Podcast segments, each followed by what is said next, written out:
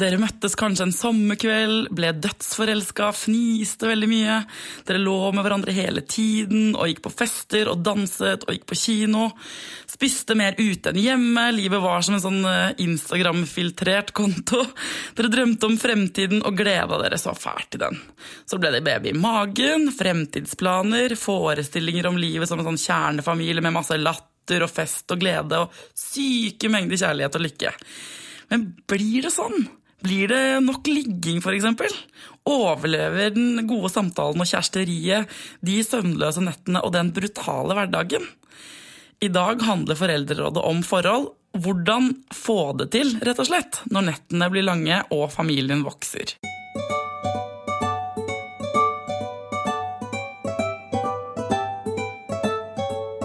Velkommen til Foreldrerådet, Thomas Winther, barnevernspedagog, familieterapeut og sexolog. Hvordan skal man ta vare på parforholdet når man får barn? Det er egentlig ganske mange ting som er viktig å tenke på når, når, to blir tre. Eh, for det er ofte den fasen som kanskje er mest kritisk for parforholdet. Det første barnet? Det første barnet, ja. Det, det er eh, man vet ikke helt hva man går til ennå, eh, og man har noen forventninger om at herfra så blir det bare blå skyer og sola skinner, og der kommer til å bli den lykkelige familien med sommerfugler som flakser rundt barnevogna når man går i parken. eh, og sånn blir det jo veldig sjelden for de aller, aller fleste, og det kan være eh, veldig belastende for parforholdet. Hva er de vanligste utfordringene? Vet du hva? Veldig mye går på seksualitet og nærhet. Eh, også selvfølgelig alt det andre i forhold til eh, eh, lite søvn, eh, barneoppdragelse, hvem som gjør mest i huset, hvem som tar seg av barnet mest, og alt mulig sånt noe. Eh, men det er liksom litt sånn vanlig parproblematikk ellers også. Man har litt, eh, litt annen type problematikk, særlig i forhold til seksualiteten. og Uh, Bufetat, eh, Barne-, ungdoms- og familieetaten, fant ut det for en del år tilbake, at det var en stor risiko for at paret skulle ryke når to blir tre. Så de kjørte i gang en del sånn parkurs og sånt for førstegangsfødende. Og de var spesifikt mynta til førstegangsfødende. Så de fleste par, uh, når man kom på helsestasjonen, så fikk man et tilbud om disse parforholdene. Eller parkursene. Eh, man fant også ut at de hadde faktisk en virkning for parforholdet. Det var færre som gikk fra hverandre som hadde vært med på kurs, enn de som ikke hadde vært med på kurs. Eh, og jeg tror at mye av eh, grunnen eller årsaken til det skyldes at man, man ble litt mer obs på hva som kom. For hva er det som kommer? Det er masse våkenetter. Det er veldig for, for veldig mange så er og særlig seksualiteten et problem. For man, man, regner med at rundt 65% av kvinner får nedsatt lyst i, under svangerskapet. Og, uh, så blir det lite ligging når hun er gravid? Det blir lite ligging når hun er gravid, og så er det et eller annet med nærheten. Altså, er, jeg vet også en del menn som sliter med å ha fysisk kontakt med, med, partneren sin etter at de blitt gravid. Veldig mange menn tror at man skader barnet hvis man har sex. ikke sant? Det, man dunker penisen inn i barnet og sånn? Man, man, gjør ikke det. Nei, man gjør ikke det, skjønner du. Det er ikke de, de, aller færreste er såpass utstyrt, og hvis de er det, så er det få kvinner som ønsker den der type penetrering. Så, så, så det, er, det, er, eh, absolutt ikke noe fare å ha samleie når man er, eh, når man er uh, gravid. Det eneste er sånn, Man bør være litt mer sånn, bør være litt flinkere med intimhygiene og sånt, og det, det, kan være veldig greit. Men bortsett fra det, så er det ikke noe problem. Uh, det, som, det som man vet er et problem, er hvis nærhet forsvinner, så forsvinner også produksjon av oksytocin, som er et sånn kjærlighets- og nærhetshormon som, som, gjør at vi føler oss tilknyttet av partneren vår. Eh, vi får den ved å stryke på hverandre og være kjærlige med hverandre og sitte i armkroken og alt mulig sånt også, men vi får det veldig mye når vi eh, har sex. Og det er, det, er, det er, nettopp derfor man føler seg veldig ofte sånn aldri nærmere partner enn rett etter at man har hatt sex og ligger i armkroken etterpå. Altså. Da føler man at vi er et par, vi er kjærester. Eh, den eneste gangen vi produserer mer oksytocin, det er når kvinner ammer. Det er veldig stor produksjon, Og det er litt sånn genetisk. ikke sant? Når vi var i steinalderen, så skulle ikke mor etter at hun var født et barn, bare legge fra seg barnet og gå ut og samle ved. Eh, da, det ville fungert veldig dårlig for artens overlevelse. Hun skulle heller ikke ligge med mannen sin, hun skulle heller ramme. Ja, altså det, det var jo egentlig viktigere. Og så, eh, For de aller fleste så er samleie litt sånn utelukka akkurat rett etterpå.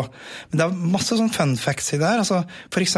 kvinner som sliter med å få i gang eh, produksjonen med melk. Veldig ofte så kommer den spontant i gang hvis hun får orgasme. Yes. Så det er litt sånn der fun facts som ikke så veldig mange vet. Um, andre ting er at det, hvis man, hvis man eh, Det, det fins fryktelig mye mellom null og knull. Du har eh, det er, det er, En trenger ikke alltid tenke sex som penetrering. Det fins masse annet man kan gjøre øh, og fortsatt være kjærester og være nær hverandre. Akkurat i den perioden etter, rett etter fødselen, tenker du? Så er det, liksom, da, er, da er det litt sånn uaktuelt. Du får jo beskjed på sykehuset at du ikke kan ligge med noen på seks uker. Ja. ja. Og det, det syns jeg er helt greit at man, at man uh, gjør òg. At man er avholdende hvis man tenker penetrering. Det er veldig mye annet man kan gjøre som gjør at man koser med hverandre. Men så er det sånn at eh, hvis mammaen da får dekket dette behovet for uh, det? Oksytocin. oksytocin gjennom den amminga, Yes. så sitter jo pappa der. Det er nettopp det han gjør. Og hvis man ikke har eh, liksom, tatt noen grep, særlig under svangerskapet, og sørga for at bindingen mellom mor og far er veldig god og veldig bra deriblant, eh, så, så føler plutselig far seg som helt sånn overskuddsmenneske. Man, han har, han har den dårlige måten, dårlig ja, ja, ja, overskudd, dårlig altså. også. Han, er, han, er ikke, han er ikke til noe nytte for, for eh, relasjonen mer. Eh, hvis sexen forsvinner, så forsvinner mye av intimiteten. Eh, hvis eh, hvis eh, mor får dekka alt ved sitt bryst, så, så står far borti et hjørne, da, og hvor er han? Og for veldig mange så, så er det en stor utfordring for parforholdet. Hva kan man gjøre da? Eh, man kan i hvert fall eh, prøve å forebygge selv ved å sørge for at man har intimitet under svangerskapet. Og Det er litt sånn der vanskelig å se for seg for en del kvinner, altså særlig hvis man er kvalm og det er, det er mye som kan påvirke, det er masse hormoner som kjører i gang. Men eh, at man sørger for at man har nærhet og intimitet hele veien. Og eh, noen ganger så kan lyst få lov til å komme etter hvert. Og jeg sier ikke at man dermed skal eh, la seg penetrere uten å ha lyst, fordi det skaper bare enda større problemer som regel. Men man kan begynne, og man kan, man kan ha masse intimitet uten penetrering først. Og så kan man se om lysten kan få lov til å, å våkne av seg selv. Men for en nybakt mor da, som sitter der og får det behovet dekket, mm.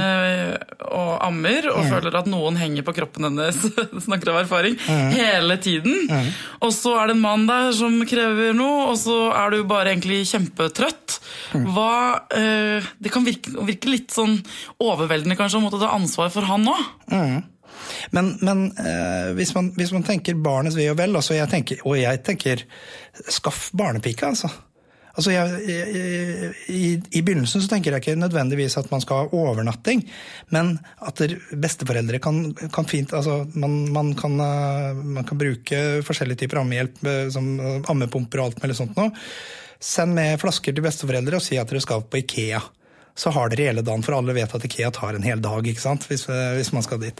Så sørg for å få barnepike. Sørg for å være par. Sørg for å gjøre noe sånn som man gjorde før man, før man ble gravid i det hele tatt. Fordi det er veldig viktig. altså Man vet at barn har veldig godt av at mor og far bor sammen og har det bra sammen. Og det er en god investering i forhold til også barnet. At, at mor og far kan fortsatt være kjærester. Jeg har et spørsmål her fra Andreas, som har skrevet til Foreldrerådet. og skriver Kjæresten og jeg fikk barna for et halvt år siden, og sexlivet har blitt totalt forandret. Hun er ikke lenger interessert, og jeg prøver å ha forståelse, men jeg kjenner at jeg syns det er veldig vanskelig. Går det over? Hva kan jeg gjøre? Dette er jo det vi akkurat har snakka om. Ja, Men det, det som vi ikke har snakka om, er at øh, hvis man ikke gjør noe, så går det ikke over. Det går ikke over av seg selv. Nei. Altså, det, det som er, er at seksualiteten er litt sånn use it or lose it-prinsippet. Uh, du kan sammenligne det med hvis du, hvis du er fryktelig glad i å trene så, og, og liker å trene hver dag, tar en time etter jobben eller et eller annet sånt, og hver eneste dag. Den dagen du ikke trener, så har du litt sånn dårlig samvittighet. Du skulle helst ha vært ute, du føler at det mangler et eller annet. Eh, men hvis du kutter ut det et år, og setter deg i sofaen isteden. Og så koser deg med litt potetgull og snacks og kanskje en par øl og sånt nå, med kjæresten i armkroken. Og så bestemmer du deg om et år at nå skal jeg ut og, og være der jeg var. Så er ikke den der løpeturen på en mil den er ikke noe fristende mer. Det er liksom et eller annet som Nei, det er bedre i sofaen. Så det, sånn er seksualiteten. Og legger du den helt bort, så forsvinner den. Og man må ta noen grep for å få tilbake seksualiteten. Hva skal Andreas gjøre, da? Fortell henne det. man, man, må Altså, eh, sånn som jeg sier, noen gang kan lyst få lov til å komme etter hvert. Men man, man, må snakke om det eh, helt klart. Altså, og det er et faresignal for parforholdet. Jeg har ganske mange par inne til terapi som sier at der, ok, vi krangler så busta fyker, og vi har det ganske drit, men sexen funker jo så det griner, og dermed så, så går vi de ekstra mila for å, for å, prøve å redde stumpene til forholdet her. Og så har jeg par som kommer inn som aldri krangler, som egentlig tilsynelatende har det helt fantastisk fint sammen, men som sexen er fraværende. Og da er parforholdet, da henger det i en tynn tråd. Og det er farligere? Det er farligere. Tilknytninga man har, og man føler at man er et par, altså sexen blir av mange beskrevet som lim i forholdet. Uh, hvis sexen fungerer, så føler man at vi er kjærester. Da føler man at vi har en kjæresterelasjon. Hvis sexen uteblir, så føler man at man har en vennskapsrelasjon. Og vennskapsrelasjon den er lite tilfredsstillende over tid for veldig veldig mange. Så man må sette det på agendaen på lik linje med sånn alle andre ting man må gjøre. Mm. Så er det egentlig et ansvar man har. Mm. Det er kanskje litt det at sex blir sett på som en sånn ekstra privilegium eller en sånn ekstra kos, men at man ikke tar det med i den der planen sin. Mm. I tidsklemma, så ja, ja. forsvinner det ut, da. Ja, altså Veldig ofte så, så, må man dra ting tilbake der man begynte, og det er derfor jeg sier altså gå ut og date, gjør koselige ting, og så kan man se om lysten kan får lov til å boble opp når ikke ungen henger i puppen eller, eller gulpet er over uh, ryggen. Så, så, gjør de der koselige tinga. Uh, har man lengre tid, så ta inn på et hotell. Kom ut av kontekst. ikke sant? Den samme uh, hvis, du er, hvis, du er, i huset som du burde ha støvsugd fordi nå gror hybelkaninene opp etter bordplatene, så, så, har du liksom ikke den derre gnisten. ikke sant? Det er 100 ting vi skulle ha gjort. Så det Andreas må gjøre her, er å ordne barnevakt. Ordne barnevakt. Romantisere kjæresten sin yes. og ta henne med på hotell. Ja, hvis det, er, hvis det er mulig. Altså For veldig mange så er det sånn at der, hvis barnet er veldig lite, så, så, styrer vi helst unna den overnattingen. Men i hvert fall ta så gjør noe uh, litt utenom. altså Herregud, ta med besteforeldrene på cruise for den saks skyld. Altså, så kan dem være litt sånn barnevakt innimellom. Uh, det, alle muligheter ligger åpne. Men hvis hun ikke vil, og hun har liksom surna litt på det, eller hun, bare, hun, er sliten eller hun vil ikke, mm. hvordan eh, kan man da overtale henne? Eh, det virker jo litt feil, det òg. Skulle pushe, pushe, pushe på. Eh, for parforholdet så er det ikke feil. Og jeg tenker det at der, som jeg sier, altså Hvis man får en ny kontekst, hvis man får en annen arena, så, så kan man kanskje slippe alt det der stresset og jaget som man faktisk har hjemme. Alle vet at der, Altså, i en, i en, reportasje for, for, mange mange, mange år siden på, i VG eller Dagbladet eller et eller annet sånt, så hadde man forska på hva er det kvinner tenner på mest. Og Det, for eksempel, det var gummihansker. Og Det handla ikke om noe sånn lakk- og lateksfetisj eh, hos kvinner, men det handla om at mannen faktisk tok sin del av ansvaret hjemme. Og vel, altså, han vaska opp, rett og slett? Ikke sant, han vaska opp. Og det som er greia, er at det er veldig mange menn eh, som, som, da er ute på jobb For det, det, det er jo ofte sånn at mannen har så og så mange avsatte uker, og så resten går som regel da til kvinnen. Og veldig mange menn som da er ute på jobb, eh, flyr rundt og kommer hjem fra jobb og tenker at nå er min arbeidsdag gjort. Fordi sånn har det egentlig pleid å vært. Og så tenker man at hun går hjemme med varen, hvor slitsomt kan det være? Fordi man har ikke den erfaringen selv kanskje enda. Eh, og så tenker man at da skal jo alt være strøkent hjemme. Og så er det ikke det. Nei, det er det ikke. Nei, ikke sant? Fordi det er en fulltidsjobb også å ha dette barnet, og når barnet sover, for det er det man tenker. Da har du all mulig tid til å fly rundt og, støvsuge og, og vaske opp den gulpen, så slipper jeg å se den. Eh, men greia er det at da er man jo så utslitt, for det, det krever såpass mye energi. og å uh, amme et barn, altså det, tar, det, altså det, er noe av det som tar mest energi. Eh, så man er sliten sjøl, og man Så- trenger å, å hvile seg. Så trikset her er før man begynner kanskje å smelle til motellrom og roser og sånn, så er vask først. Ta så støvstug Støvsug og vask Yes. og gjør de tingene først. Gjør noen ting som, som gjør at situasjonen blir lettere, sånn at, der, at man kan komme i det moduset. En av grunnene til at jeg tenker at det kan være lurt å komme seg ut av huset, det er at man kommer i en annen kontekst. Man ser ikke alt det som må gjøres. Sånn som man, man får letta stemningen litt. Bitte grann. Altså, det er, eh, hvis, hvis eh, oppvaska står opp til taket ute på kjøkkenet, så er ikke sexen det første man tenker på for veldig mange, i hvert fall. Trine skriver jeg savner kjærestedelen av forholdet vårt. Det har blitt veldig hverdagslig og rutinemessig etter at vi fikk barn, og jeg føler verken lyst eller har noe særlig overskudd til å fyre opp under romantikken. Men jeg savner det veldig. Har du noen tips? Det er da andre siden av eh, problemet. Ja, ja. Ta tak. Det er, det er noe med det, altså. Hvis det, du kan ikke sitte altså Det er veldig mange som kommer til meg og, og sitter og forventer at det, ja, det, det går seg nok til. Altså, det, vi får bare stå ut dette her. Eh, og så, så ordner det seg. Men det er fryktelig sjelden at det ordner seg Av seg sjøl. av seg sjøl. Altså hvis røret begynner å lekke på eh, badet, så tenker vi veldig sjelden det. Eh, Hvis vi venter litt til, så ordner det seg sikkert. Det går seg nok til. Eh, Frykt, like sjelden som at røret trutner og tetter seg sjøl, er det at parforholdet ordner seg sjøl. Man må gjøre noen grep. Eh, Man kan sammenligne med et blomsterbed. Altså hvis, du, hvis du gir eh, blomsterbedet masse kjærlighet og, og vann og næring, så vokser det og gror bra. Hvis man dropper det, så visner alltid det der bedet, og ugress tar over. Og sånn er det med parforholdet òg. Man må gi det næring. Man må sørge for å eh, skape kontekster som, som gjør at man kan være romantisk og være, være kjæreste fortsatt.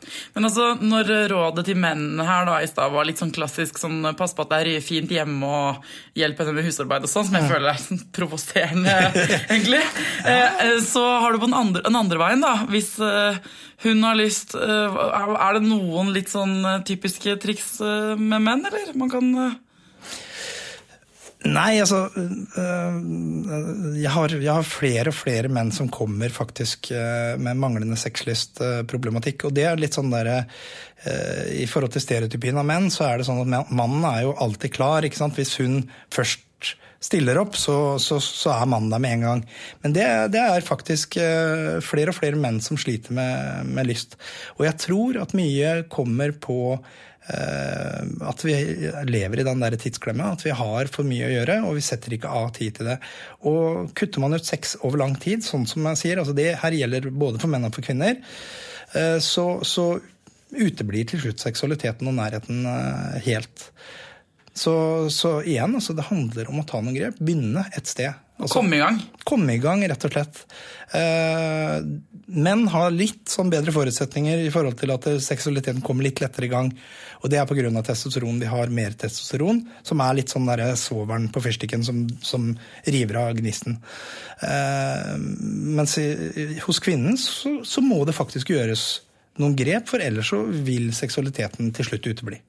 Helt. Ja, altså For veldig mange, så, altså, i forhold til lesbiske forhold, så, så snakker man om LBD, altså lesbian bed disease. At, eh, at seksualiteten uteblir pga. at der, til slutt så er det altså det, er, det er ikke, selvfølgelig ikke alle parforhold som har det sånn, men for, eh, det er mindre testosteron i forholdet. Altså det, det er færre som Det er sjeldnere at noen tar initiativet til seksualiteten. For kvinner på lik linje som menn kan ha like mye lyst som det menn har på sex, men initiativtakingen kan utebli.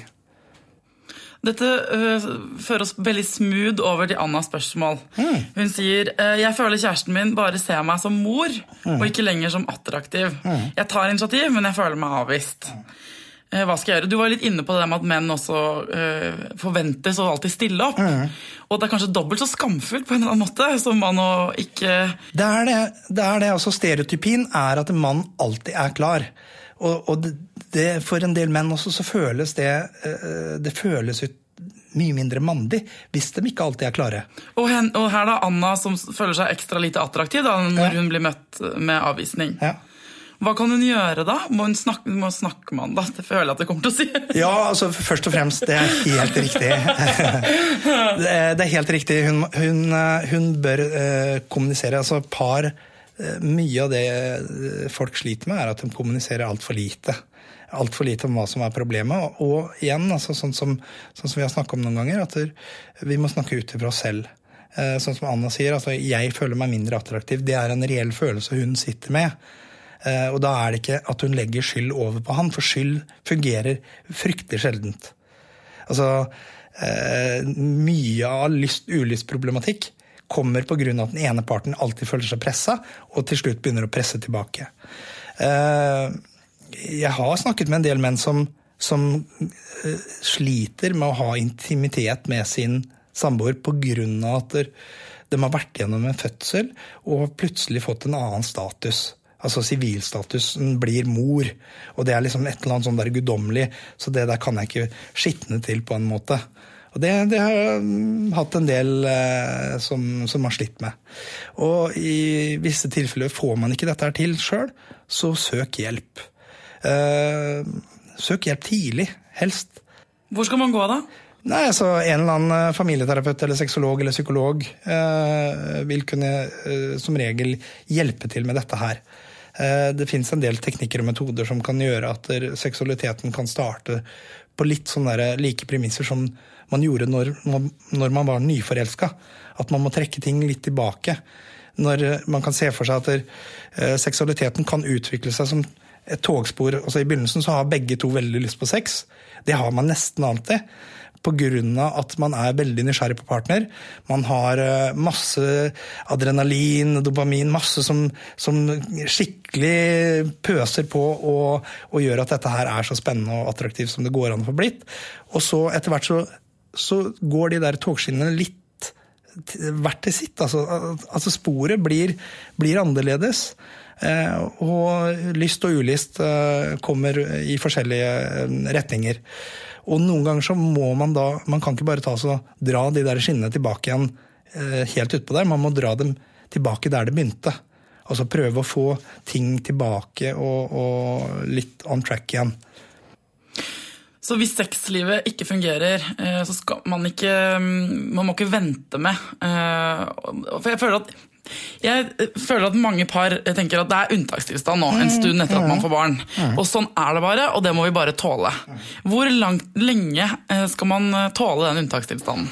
Jeg syns ikke man skal tåle den fryktelig lenge, for å være helt ærlig. Jeg kan du være mer konkret? Ja, jeg syns man skal gjøre noe med det ganske fort. Altså Først og fremst, altså, hvis, hvis, dette her er parforholdet som, som jeg vet at det her vil jeg satse på, her vil jeg gi alt, så hadde jeg gjort noe med det veldig tidlig.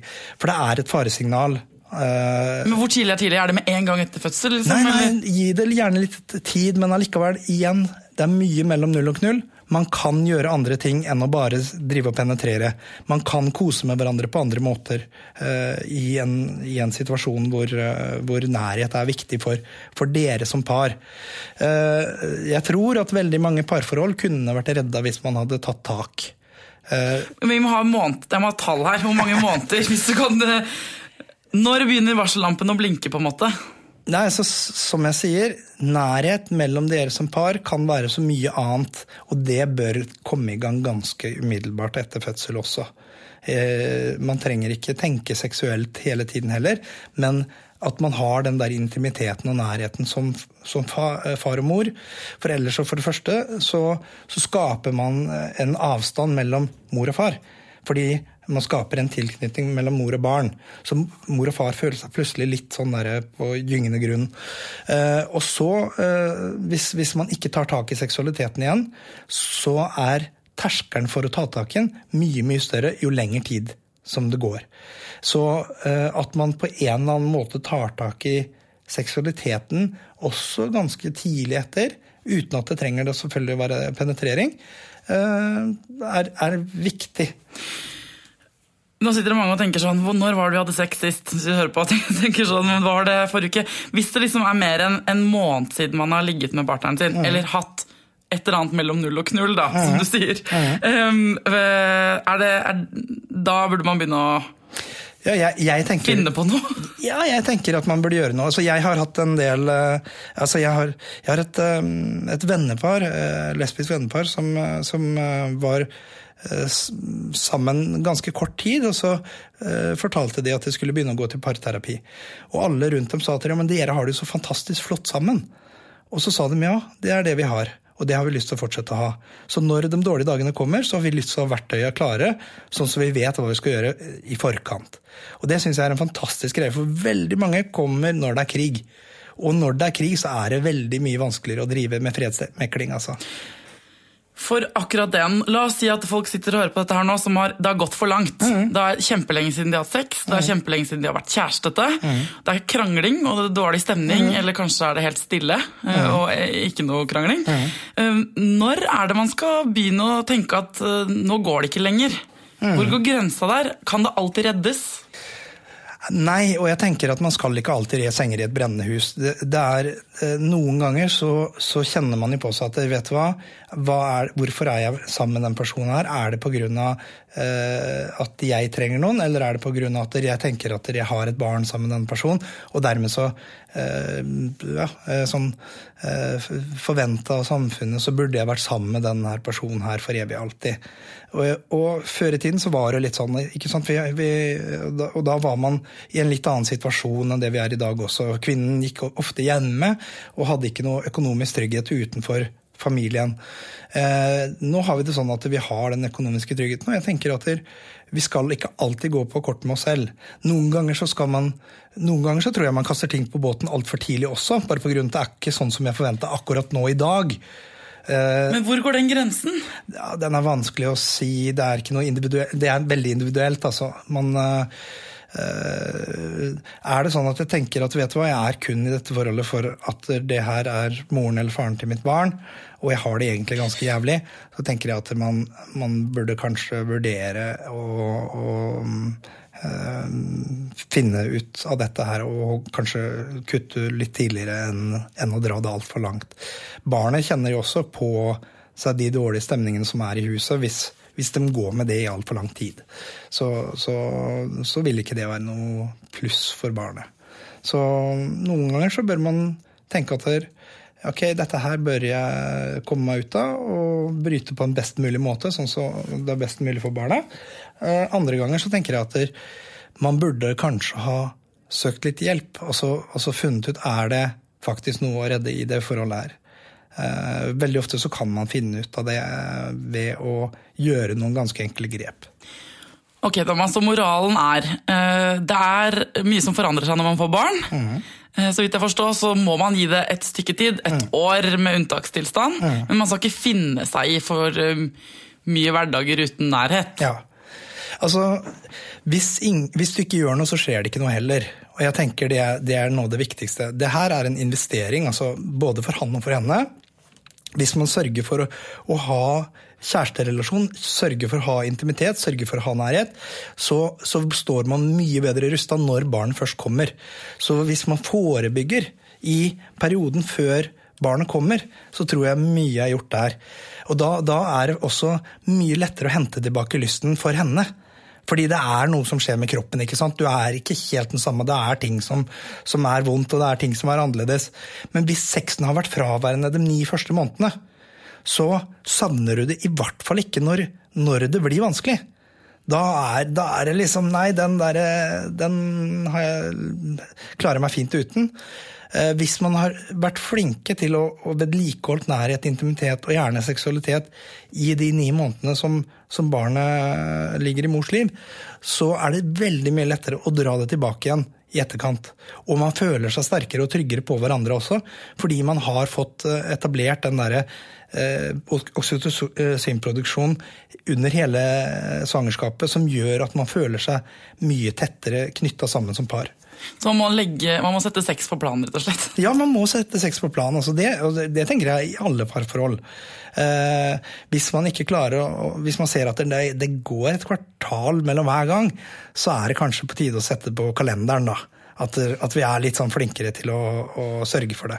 Altså Det høres eh, fryktelig uromantisk ut, men jeg tror det faktisk er nyttig for de fleste par. Tusen, tusen takk for at du kom til Foreldrerådet, Thomas. Bare hyggelig.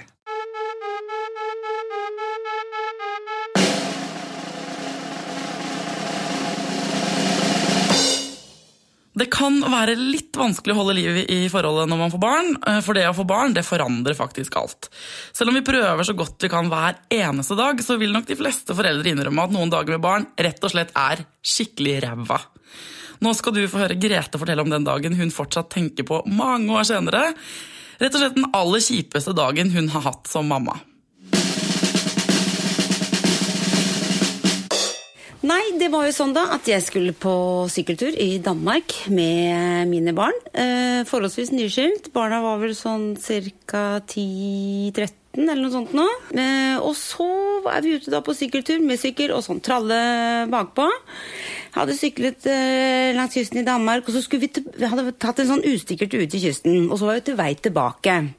Og da bestemmer eh, min eldste sønn og henne seg for at de skal sykle i forveien og i en eh, kjempefart, og ble bare rett og slett borte. Vi, eh, jeg begynte å gire meg skikkelig opp, fordi den tralla, der lå penger og billetter og ja, i det hele tatt all viktig informasjon og penger og kort og, og ja, telefon. Også da, for sikkerhets skyld, ikke sant? Mobiltelefon. Så jeg begynte på å gire meg skikkelig opp, samtidig som var jo også redd, selvfølgelig. Men så tok vi da den riktige veien, og der sto gutta. Eh, på den eh, møteplassen, eh, og så kjempefornøyde ut. De begynte å bli store, følte at de gjort noe skikkelig mann mannaktig for oss eh, damene. Og var kjempestolt og kjempefornøyd. Hvordan hadde du det? Mora var ikke så fornøyd. Jeg ga fullstendig sats og mosa han så godt jeg kunne ned i bakken, eh, verbalt altså, selvfølgelig, foran da øynene på kompisen og de andre. Åh, nei, han fikk eh, gjennomgå så det holdt hvor ubrukelig og udugelig at det var mulig, og hva han trodde. Og, og, eh, jeg måtte jo skjønne det og Ja, nei. Ja, han fikk bare seg påskrevet, altså. Noe så inni helvete. Så jeg er skikkelig slem. Jeg følte, og det har plaget meg alle år etterpå, måtte jeg ha nødt til å plukke selvtilliten til gutten min fullstendig fra hverandre. Så i etterkant så har jeg spurt han et par ganger. Du, den gangen vet du, i Danmark og sånn, og han sier bare 'hæ, hva snakker du om?' Jo, eh, da, vet du. Nei, men jeg husker jo ikke det, mamma, sier han jo. Oi, men jeg har fortsatt å plage meg sjøl med det så godt jeg kan. Virkelig gni inn min udugelighet som mamma da, når det passer seg best når alt annet også er gærent. ikke sant? men hva er det du tenker at du er så, og hva var det som var så fælt for deg for, med det? At jeg følte at jeg fornedra han, var, han var så stolt, og han så så fornøyd ut. Og så kommer det uhyret av en mor, og så bare Nei, du tar helt feil. Du har ingen grunn til å være stolt, du har ingen grunn til å være glad og fornøyd i det hele tatt. For du har bare vært grusom mot mora di. Heldigvis er det ofte sånn altså, at vi foreldre henger oss mer opp i våre egne dårlige prestasjoner enn det barna gjør, og det er jo en trøst. På en måte. På den andre siden så gjør vi sikkert skikkelig mange ting feil som ikke vi engang er i nærheten av å vite om. Det er ikke lett, ass. Altså, målet her i Foreldrerådet er at vi skal dele både gleder og bekymringer og få svar på det vi lurer på. Så gå inn på Facebook og finn Foreldrerådet-siden. Send meg noen spørsmål, så skal jeg finne noen kloke folk som kan svare på det du lurer på. Til neste gang, pass på barnet ditt, pass på deg sjæl, og lykke til.